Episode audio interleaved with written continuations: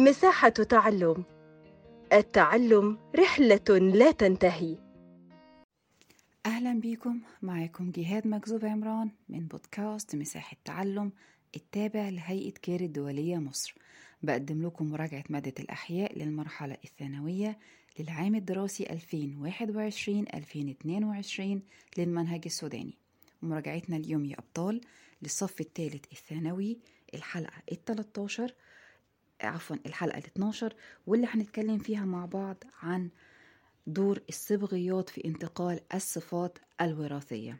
خلصنا مندل القانون الأول والتاني والتلقيح المرجعي والتلقيح الاختباري. نيجي بقى نتكلم عن دور الصبغيات اللي بتكون شايلة الجينات اللي بتمثل الصفات الوراثية. يا ترى إيه هي دورها في انتقال هذه الصفات؟ لو إحنا جينا في صفحة 153 بنلاقي عندنا جدول ظريف كده بيعدد عندنا أعداد الصبغيات في الكائنات الحية المختلفة. مثلا الإنسان في كام صبغي؟ الأبقار الدجاج القمح الذرة الشامية إيه عندنا مثلا إيه قرد اللي هو القرد الريزوزي. تمام؟ يعني إيه؟ عندنا عدد كبير جدا من الكائنات الحية وأعداد الصبغيات اللي بتمتلكها. تمام؟ واتفقنا مع بعض في الصف الأول إن النواة بتحتوي على حاجة اسمها صبغيات أو كروموسومات واللي بدورها بتحمل الجينات أو العوامل الوراثية. كمان إنه الصفات الوراثية دي بتنتقل من الآباء إلى الأبناء عن طريق الأمشاج تمام؟ وكمان إنه دايما الصبغيات موجودة في الخلية الجسدية على شكل أعداد زوجية ولكنها في الخلايا الجنسية أو الأمشاج بتكون أعدادها أحادية. يعني 2N في الخلايا الجسدية أما في الأمشاج بتكون N تمام. مين هم أهم العلماء اللي كان لهم دور في اكتشاف دور الصبغيات في انتقال الصفات الوراثية؟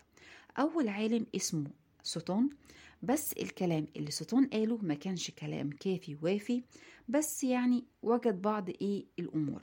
أول حاجة وجد سوتون إنه أثناء عملية الانقسام الاختزالي واللي بيها بتتكون الأمشاج الصبغيات بتنفصل عن بعضها وكل مشيج بينتج بيبتدي إن هو ياخد آه يعني إيه صبغي من أزواج الصبغيات. يعني إحنا اتفقنا مع بعض في الانقسام الاختزالي إنه أزواج الصبغيات المتماثلة بتقف جنب بعضها. تمام؟ أثناء عملية الانقسام. تمام؟ هيحصل إنه كل مشيج يعني سواء كانت بويضة وحيوان منوي أو بويضة أو حبة لقاح كل واحد في التلاتة دولت هتاخد صبغ واحد بس. والصبغيات دي هترجع إنها تتحد مرة تانية عند اندماج الأمشاج مع بعضها وتكوين الزيجوت. كمان سوتون وجد حاجة مهمة جدا إنه حركة الصبغيات لها علاقة بانطلاق بانتقال العوامل الوراثية أثناء الانقسام الاختزالي. تمام؟ بس العلماء وجدوا إن ده ما كانش كافي إن هم من خلاله يضعوا نظرية يطلقوا عليها اسم نظرية الصبغيات. ولذلك جاء عالم بعده كان اسمه توماس مورجان وتوماس مورجان ده اللي كان بدوره حط حقائق كتيرة جدا من خلالها وضع ما يسمى بنظرية الصبغيات وبتتمثل في الآتي اذكر أهم بنود نظرية الصبغيات بناء أو حسب العالم توماس مورجان قال إيه مورجان؟ مورجان قال إنه الخلايا الجسدية في جسم الكائن الحي بتحتوي على عدد ثابت من الصبغيات وهو 2N تاني حاجة إنه الصبغيات بتوجد في النواة اللي موجودة في الخلايا الجسدية للكائن الحي على شكل أزواج متشابهة. متشابهة تمام؟ ناخد بالنا قوي من كلمة متشابهة أو متماثلة. حيث أن كل صبغي تمام؟ آه أو كل زوج من الصبغيات متشابهان بيكونوا في الشكل وفي الطول. تالت حاجة توصل لها توماس مورجان إنه نواة المشيك سواء المشيك ده كان بويضة أو حيوان منوي أو حبة لقاح بيحتوي على نصف عدد الصبغيات في الخلايا الجسدية يعني الخلايا الجسدية 2N ولكن المشيك بيرمز لها بالرمز N كمان بعد وجد يعني توماس مورجان إن بعد عملية الاخصاب بيصبح عدد الصبغيات أو الكروموسومات في الزيجوت 2N وده بيرجع لاتحاد الصبغيات في المشيج المذكر N والمشيج المؤنث N تمام؟ فإن و N بيكون العدد الكلي 2N تمام. كمان توصل مورجان لحاجة مهمة إنه كل صبغي بيحمل العوامل الوراثية تمام؟ وبيتحكم كل جين في صفة خاصة. يعني مثلا إيه؟ يعني عندي جين بيتحكم في صفة الطول عندي جين بيتحكم في صفة لون البشرة عندي مثلا جين بيتحكم في لون الأزهار.